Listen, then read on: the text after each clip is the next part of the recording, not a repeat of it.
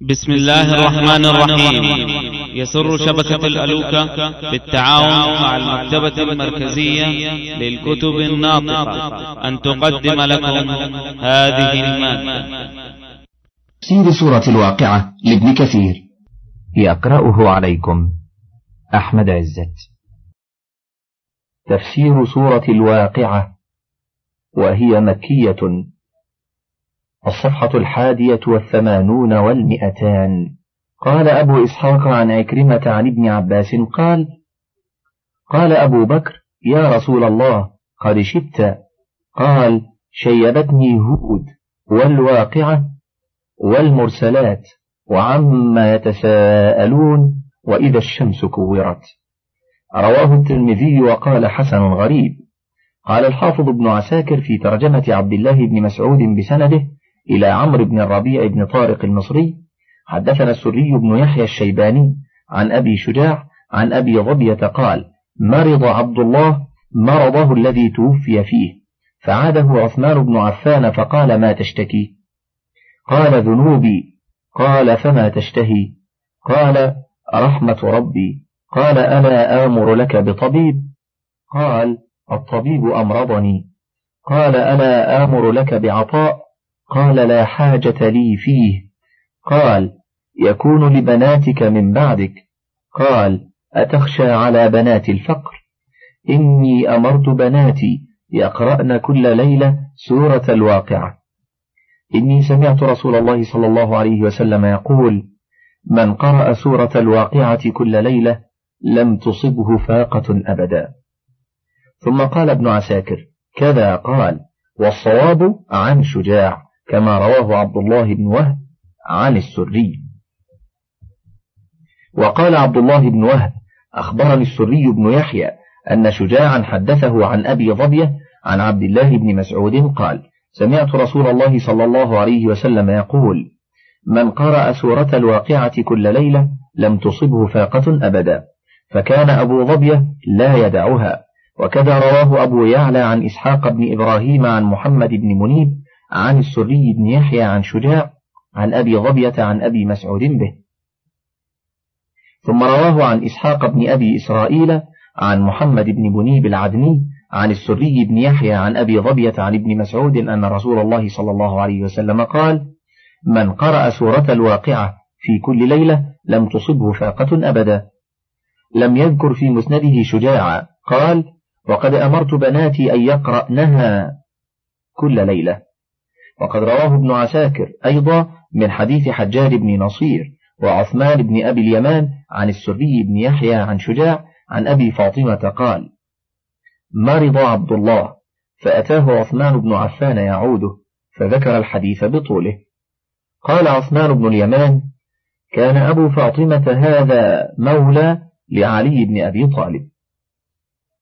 وقال أحمد حدثنا عبد الرزاق. حدثنا إسرائيل ويحيى بن آدم. حدثنا إسرائيل عن سماك بن حرب أنه سمع جابر بن سمرة يقول كان رسول الله صلى الله عليه وسلم يصلي الصلوات كنحو من صلاتكم التي تصلون اليوم ولكنه كان يخفف. كانت صلاته أخف من صلاتكم وكان يقرأ في الفجر الواقعة ونحوها من السور. بسم الله الرحمن الرحيم. إذا وقعت الواقعة ليس لوقعتها كاذبة. خافضة رافعة إذا رجت الأرض رجا وبست الجبال بسا فكانت هباء منبثا. وكنتم أزواجا ثلاثة. فأصحاب الميمنة ما أصحاب الميمنة وأصحاب المشأمة ما أصحاب المشأمة والسابقون السابقون أولئك المقربون في جنات النعيم الواقعة من أسماء يوم القيامة سميت بذلك لتحقق كونها ووجودها كما قال تعالى فيومئذ وقعت الواقعة.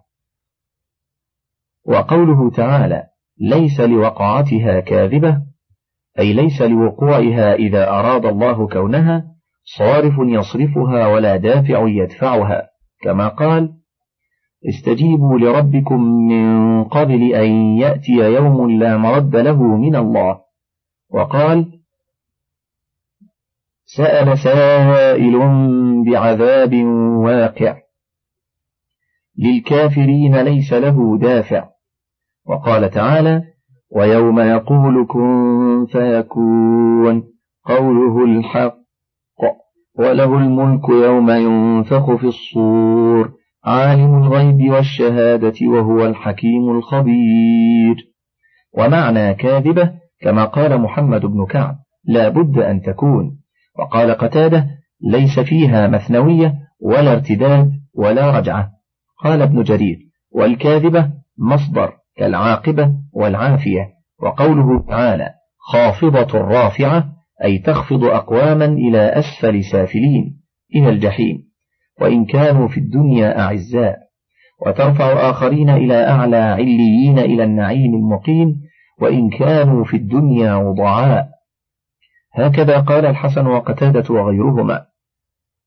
وقال ابن أبي حاتم حدثنا أبي حدثنا أبو يزيد بن عبد الرحمن بن مصعب المعنى. حدثنا حميد بن عبد الرحمن الرواسي عن أبيه عن سماك عن عكرمة عن ابن عباس. خافضة رافعة تخفض أقواما وترفع آخرين.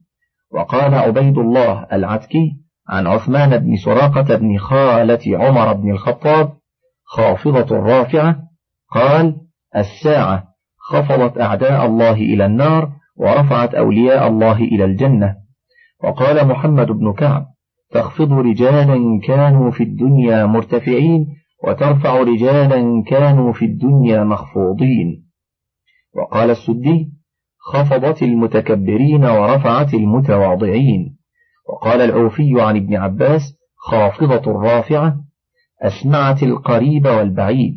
وقال عكرمة خفضت فأسمعت الأدنى ورفعت فأسمعت الأقصى. وكذا قال الضحاك وقتادة.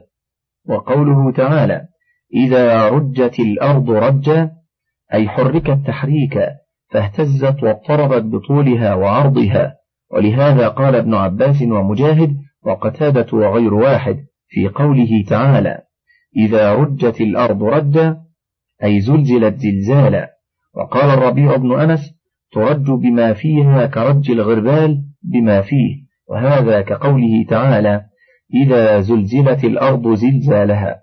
وقال تعالى يا أيها الناس اتقوا ربكم إن زلزلة الساعة شيء عظيم. وقوله تعالى وبست الجبال بسا أي فتنت فتتت فتى قاله ابن عباس ومجاهد وعكرمة وقتادة وغيرهم. وقال ابن زيد صارت الجبال كما قال الله تعالى كثيبا مهيلا وقوله تعالى فكانت هباء منبثا قال أبو إسحاق عن الحارث عن علي رضي الله عنه هباء منبثا كرهج الغبار يسطع ثم يذهب فلا يبقى منه شيء. وقال الأوفي عن ابن عباس في قوله فكانت هباء منبثا. الهباء الذي يطير من النار إذا اضطرمت يطير منه الشرر فإذا وقع لم يكن شيئا. وقال أكرمة المنبث الذي قد ذرته الريح وبشته وقال قتادة هباء منبثا كيبيس الشجر الذي تذروه الرياح. وهذه الآية كأخواتها الدالة على زوال الجبال عن أماكنها يوم القيامة وذهابها وتسييرها ونسفها أي قلعها وصيرورتها كالعهن المنفوش. وقوله تعالى وكنتم أزواجا ثلاثة أي ينقسم الناس يوم القيامة إلى ثلاثة أصناف قوم عن يمين العرش وهم الذين خرجوا من شق آدم الأيمن ويؤتون كتبهم بأيمانهم ويؤخذ بهم ذات اليمين. قال السدي وهم جمهور أهل الجنة وآخرون عن يسار العرش وهم الذين خرجوا من شق آدم الأيسر ويؤتون كتبهم بشمالهم ويؤخذ بهم ذات الشمال وهم عامة أهل النار عياذا بالله من صنيعهم. وطائفة سابقون بين يديه عز وجل وهم أخص وأحظى وأقرب من أصحاب اليمين الذين هم سادتهم. فيهم الرسل والأنبياء والصديقون والشهداء وهم أقل عددا من أصحاب اليمين.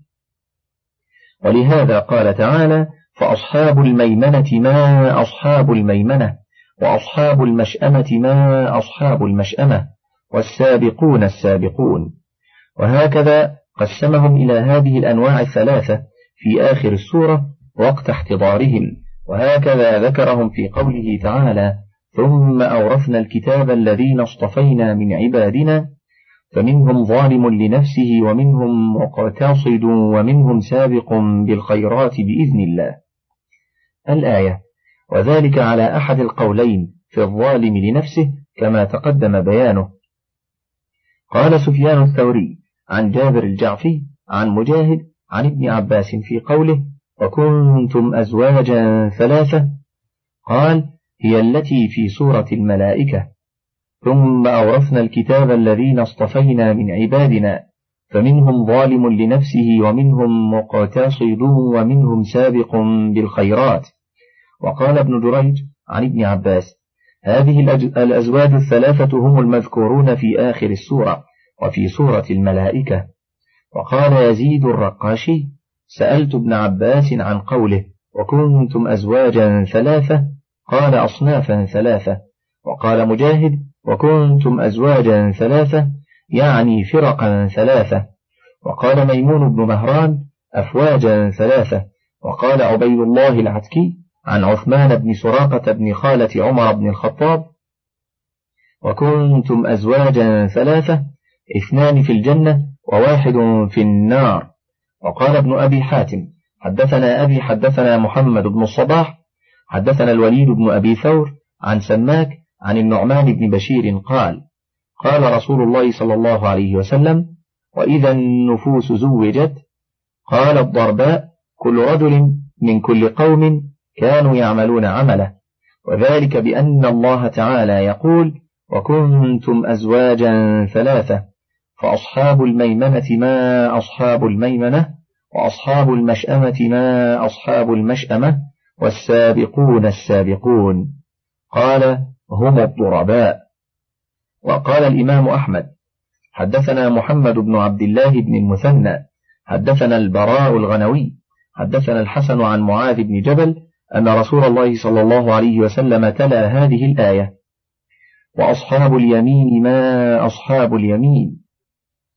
إلى وأصحاب الشمال ما أصحاب الشمال فقبض بيده قبضتين فقال هذه للجنة ولا أبالي وهذه للنار ولا أبالي. وقال الإمام أحمد أيضا حدثنا حسن حدثنا ابن لهيعة حدثنا خالد بن أبي عمران عن القاسم بن محمد عن عائشة عن رسول الله صلى الله عليه وسلم أنه قال أتدرون من السابقون إلى ظلم الله يوم القيامة؟ قالوا الله ورسوله أعلم. قال الذين إذا أعطوا الحق قبلوه وإذا سئلوه بذلوه وحكموا للناس كحكمهم لأنفسهم. وقال محمد بن كعب وأبو حرزة يعقوب بن مجاهد والسابقون السابقون هم الأنبياء عليهم السلام. وقال السدي هم أهل عليين. وقال ابن أبي نجيح عن مجاهد عن ابن عباس والسابقون السابقون قال يوشع بن نون سبق إلى موسى ومؤمن آل ياسين سبق إلى عيسى وعلي بن أبي طالب سبق إلى محمد صلى الله عليه وسلم. رواه ابن أبي حاتم عن محمد بن هارون الفلاس عن عبد الله بن إسماعيل المدائني البزار عن سفيان بن الضحاك المدائني عن سفيان بن عيينة عن ابن أبي نجيح به. وقال ابن أبي حاتم وذكر عن محمد بن أبي حاتم حدثنا مهران عن خارجة عن قرة عن ابن سيرين والسابقون السابقون الذين صلوا إلى القبلتين ورواه ابن جرير من حديث خارجة به وقال الحسن وقتادة والسابقون السابقون أي من كل أمة وقال الأوزاعي عن عثمان بن أبي سودة أنه قرأ هذه الآية والسابقون السابقون أولئك المقربون ثم قال أولهم رواحا إلى المسجد وأولهم خروجا في سبيل الله. وهذه الأقوال كلها صحيحة فإن المراد بالسابقين هم المبادرون إلى فعل الخيرات كما أمروا كما قال تعالى وسارعوا إلى مغفرة من ربكم وجنة عرضها السماوات والأرض وقال تعالى سابقوا إلى مغفرة من ربكم وجنة عرضها كعرض السماء والأرض. فمن سابق في هذه الدنيا وسبق إلى الخير كان في الآخرة من السابقين إلى الكرامة. فإن الجزاء من جنس العمل وكما تدين تدان. ولهذا قال تعالى أولئك المقربون في جنات النعيم. وقال ابن أبي حاتم حدثنا أبي حدثنا يحيى بن زكريا الفزاري الرازي حدثنا خارجة بن مصعب عن زيد بن أسلم عن عطاء بن يسار عن عبد الله بن عمرو قال قالت الملائكة يا رب جعلت لبني آدم الدنيا فهم يأكلون ويشربون ويتزوجون فاجعل لنا الآخرة. فقال لا أفعل. فراجعوا ثلاثة فقال لا أجعل من خلقت بيدي كمن قلت له كن فكان. ثم قرأ عبد الله والسابقون السابقون أولئك المقربون في جنات النعيم. وقد روى هذا الأثر الإمام عثمان بن سعيد الدارمي في كتابه الرد على الجهمية. ولفظه فقال الله عز وجل لن أجعل صالح ذرية من خلقت بيدي كمن قلت له كن فكان ثلة من الأولين وقليل من الآخرين على سرر موضونة متكئين عليها متقابلين يطوف عليهم ولدان مخلدون بأكواب وأباريق وكأس من معين لا يصدعون عنها ولا ينزفون وفاكهة مما يتخيرون ولحم طير مما يشتهون وحور عين كأمثال اللؤلؤ المكنون جزاء بما كانوا يعملون لا يسمعون فيها لغوا ولا تأثيما إلا قيلا سلاما سلاما يقول تعالى مخبرا عن هؤلاء السابقين المقربين أنهم ثلة أي جماعة من الأولين وقليل من الآخرين. وقد اختلفوا في المراد بقوله الأولين والآخرين فقيل المراد بالأولين الأمم الماضية وبالآخرين هذه الأمة. هذا رواية عن مجاهد والحسن البصري رواها عنهما ابن أبي حاتم وهو اختيار ابن جرير. واستأنس بقوله صلى الله عليه وسلم نحن الآخرون السابقون يوم القيامة ولم يحك غيره ولا عزاه إلى أحد, إلى أحد ومما يستأنس به لهذا القول ما رواه الإمام أبو محمد ابن أبي حاتم حدثنا أبي حدثنا محمد بن عيسى بن الطباع حدثنا شريك بن محمد بن عبد الرحمن عن أبيه عن أبي هريرة قال لما نزلت ثلة من الأولين وقليل من الآخرين شق ذلك على أصحاب النبي صلى الله عليه وسلم فنزلت ثلة من الأولين وثلة من الآخرين فقال النبي صلى الله عليه وسلم إني لأرجو أن تكونوا ربع أهل الجنة ثلث أهل الجنة بل أنتم نصف أهل الجنة أو شطر أهل الجنة وتقاسمونهم النصف الثاني ورواه الإمام أحمد عن أسود بن عامر عن شريك عن محمد بياع الملاء عن أبيه عن أبي هريرة فذكره. وقد روي من حديث جابر نحو هذا. ورواه الحافظ ابن عساكر من طريق هشام بن عمارة حدثنا عبد ربه ابن صالح عن عروة بن رويم عن جابر بن عبد الله عن النبي صلى الله عليه وسلم.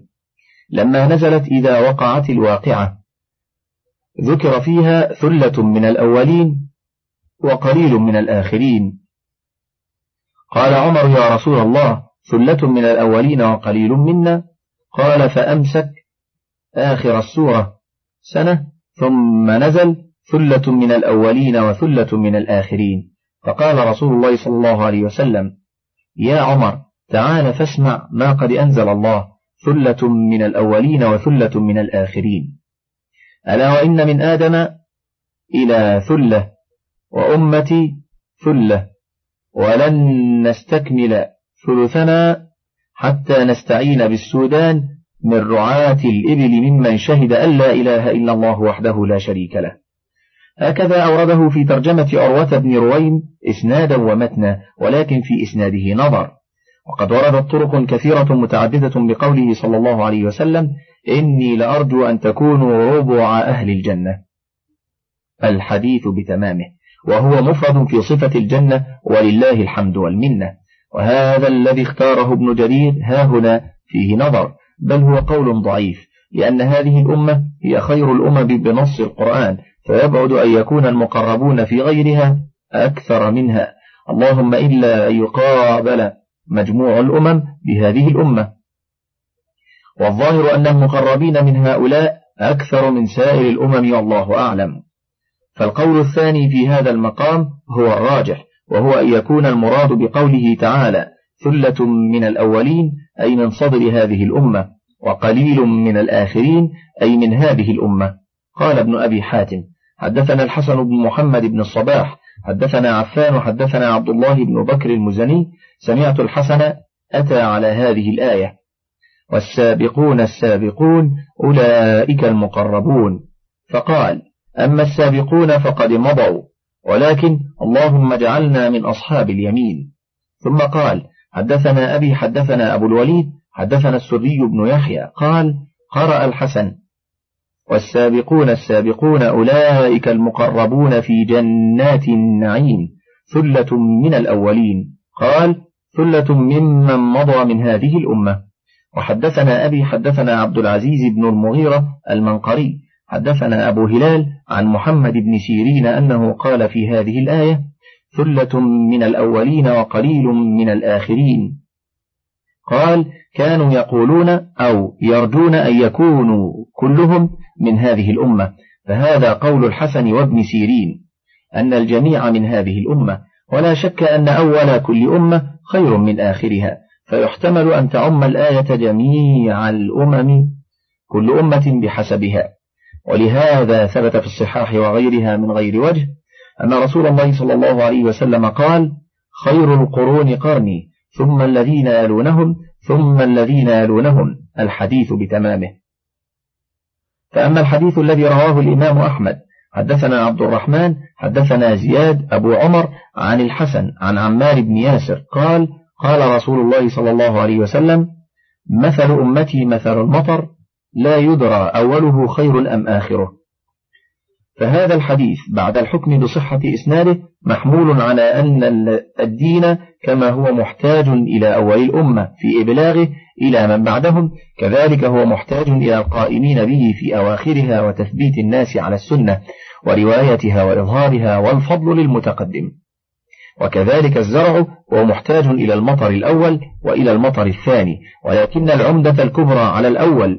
واحتياج الزرع إليه آكد فإنه لولاه ما نبت في الأرض ولا تعلق أساسه فيها. ولهذا قال عليه السلام لا تزال طائفة من أمتي ظاهرين على الحق لا يضرهم من خذلهم ولا من خالفهم إلى قيام الساعة. وفي لفظ حتى يأتي أمر الله تعالى وهم كذلك. والغرض أن هذه الأمة أشرف من سائر الأمم والمقربون فيها أكثر من غيرها وأعلى منزلة لشرف دينها وعظم نبيها. ولهذا ثبت بالتواتر عن رسول الله صلى الله عليه وسلم أنه أخبر أن في هذه الأمة سبعين ألفا يدخلون الجنة بغير حساب وفي لفظ مع كل ألف سبعون ألفا وفي آخر مع كل واحد سبعون ألفا. وقد قال الحافظ أبو القاسم الطبراني حدثنا هشام بن يزيد الطبراني حدثنا محمد هو ابن إسماعيل بن عياش حدثني أبي حدثني ضمضم يعني بن زرعة عن شريح هو ابن عبيد عن أبي مالك قال قال رسول الله صلى الله عليه وسلم أما والذي نفسي بيده ليبعثن منكم يوم القيامة مثل الليل الأسود. زمرة. جميعها يحيطون الأرض تقول الملائكة لما جاء مع محمد صلى الله عليه وسلم أكثر مما جاء مع الأنبياء عليهم السلام. وحسن أن يذكر ها هنا عند قوله تعالى ثلة من الأولين وقليل من الآخرين الحديث الذي رواه الحافظ أبو بكر البيهقي في دلائل النبوة حيث قال أخبرنا أبو نصر ابن قتادة أخبرنا أبو عمرو بن مطر أخبرنا أبو جعفر بن محمد بن المستفاض فريابي حدثني أبو وهب الوليد بن عبد الملك بن عبد الله بن مسرح الحراني حدثنا سليمان بن عطاء القرشي الحراني عن مسلم ابن عبد الله الجهني عن عمه ابن مشجعة ابن ربعي عن أبي زمل الجهني رضي الله عنه قال كان رسول الله صلى الله عليه وسلم إذا صلى الصبح يقول وهو ثاني رجليه سبحان الله وبحمده يستغفر الله إن الله كان توابا سبعين مرة. ثم يقول سبعين بسبعمائة لا خير لمن كانت ذنوبه في يوم واحد أكثر من سبعمائة. ثم يقول ذلك مرتين ثم يستقبل الناس بوجهه. وكان رسول الله صلى الله عليه وسلم تعجبه الرؤيا ثم يقول هل رأى أحد منكم شيئا؟ قال أبو زمل فقلت أنا يا رسول الله. فقال خير تلقاه وشر توقاه وخير لنا وشر على أعدائنا. الحمد لله رب العالمين اقصص رؤياك. فقلت رأيت جميع الناس على طريق الرحب سهل لا حب والناس على الجادة منطلقين. فبينما هم كذلك إذ أشفى ذلك الطريق على مرج لم تر عيني مثله يرف رفيفا يقطر ماؤه فيه من أنواع الكلأ. قال وكانوا بالرعلة الأولى. حين أشفقوا على المرج كبروا ثم أكبوا رواحلهم في الطريق فلم يظلموه يمينا ولا شمالا. قال فكأني أنظر إليهم منطلقين. ثم جاءت الرعلة الثانية وهم أكثر منهم أضعافا. فلما أشفوا على المرج كبروا ثم أكبوا رواحلهم في الطريق. فمنهم المرتع ومنهم الآخذ الضغث ومضوا على ذلك. قال ثم قدم عظم الناس فلما أشفوا على المرج كبروا وقالوا هذا خير المنزل كأني أنظر إليهم يميلون يمينا وشمالا. فلما رأيت ذلك لزمت الطريق حتى آتي أقصر أقصى المرج. فإذا أنا بك يا رسول الله على منبر فيه سبع درجات وأنت في أعلاها درجة وإذا عن يمينك رجل آدم شئل أقنى إذا هو تكلم يسمو فيقرع الرجال طولا وإذا عن يسارك رجل ربعة باز كثير خيلان الوجه كأنما حمم شعره بالماء. إذا هو تكلم أصغيتم إكراما له وإذا أمام ذلك رجل شيخ أشبه الناس بك خلقا ووجها. كلكم تأمونه تريدونه وإذا أمام ذلك ناقة عجفاء شارف وإذا أنت يا رسول الله كأنك تبعثها. قال فانتقع لون رسول الله صلى الله عليه وسلم ساعة ثم سري عنه. وقال رسول الله صلى الله عليه وسلم أما ما رأيت من الطريق السهل الرحب اللاحب فذاك ما حملتكم عليه من الهدى وأنتم عليه. وأما المرج الذي رأيت فالدنيا وغدارة عيشها. مضيت أنا وأصحابي لم نتعلق منها بشيء ولم تتعلق منها ولم نردها ولم تردنا. ثم جاءت الرعلة الثانية من بعدنا وهم أكثر منا أضعافا. فمنهم المرتع ومنهم الآخذ الضغث ونجوا على ذلك. ثم جاء عظم الناس فمالوا في المرج يمينا وشمالا فإنا لله وإنا إليه راجعون. وأما أنت فمضيت على طريقة صالحة فلن تزال عليها حتى تلقاني. وأما المنبر الذي رأيت فيه سبع درجات وأنا في أعلاها درجة فالدنيا سبعة آلاف سنة أنا في آخرها ألفا وأما الرجل الذي رأيت عن يمين الآدم الشأل فذلك موسى عليه السلام. إذا تكلم يعلو الرجال بفضل كلام الله إياه وإذا رأيت الذي والذي رأيت عن يساري الباز الربعة الكثير خيلان الوجه كأنما حمم شعره بالماء فذلك عيسى بن مريم نكرمه لإكرام الله إياه. وأما الشيخ الذي رأيت أشبه الناس بي خلقا ووجها فذاك أبونا إبراهيم كلنا نأمه ونقتدي به. وأما الناقة التي رأيت ورأيتني أبعثها فهي الساعة علينا تقوم لا نبي بعدي ولا أمة بعد أمتي. قال فما سأل رسول الله صلى الله عليه وسلم عن رؤيا بعد هذا إلا أن يجيء الرجل فيحدثه به بها متبرعا. وقوله تعالى على سرر موضونة. قال ابن عباس أي مرمولة بالذهب يعني منسوجة به. وكذا قال مجاهد وعكرمة وسعيد بن جبير وزيد بن أسلم وقتادة والضحاك وغيره. وقال السدي مرمولة بالذهب واللؤلؤ. وقال عكرمة مشبكة بالدر والياقوت. وقال ابن جرير ومنه يسمى وضين الناقة الذي تحت بطنها وهو فعيل بمعنى مفعول لأنه مضفور. وكذلك السرر في الجنة مضفورة بالذهب واللآلئ من فضلك تابع بقية المادة.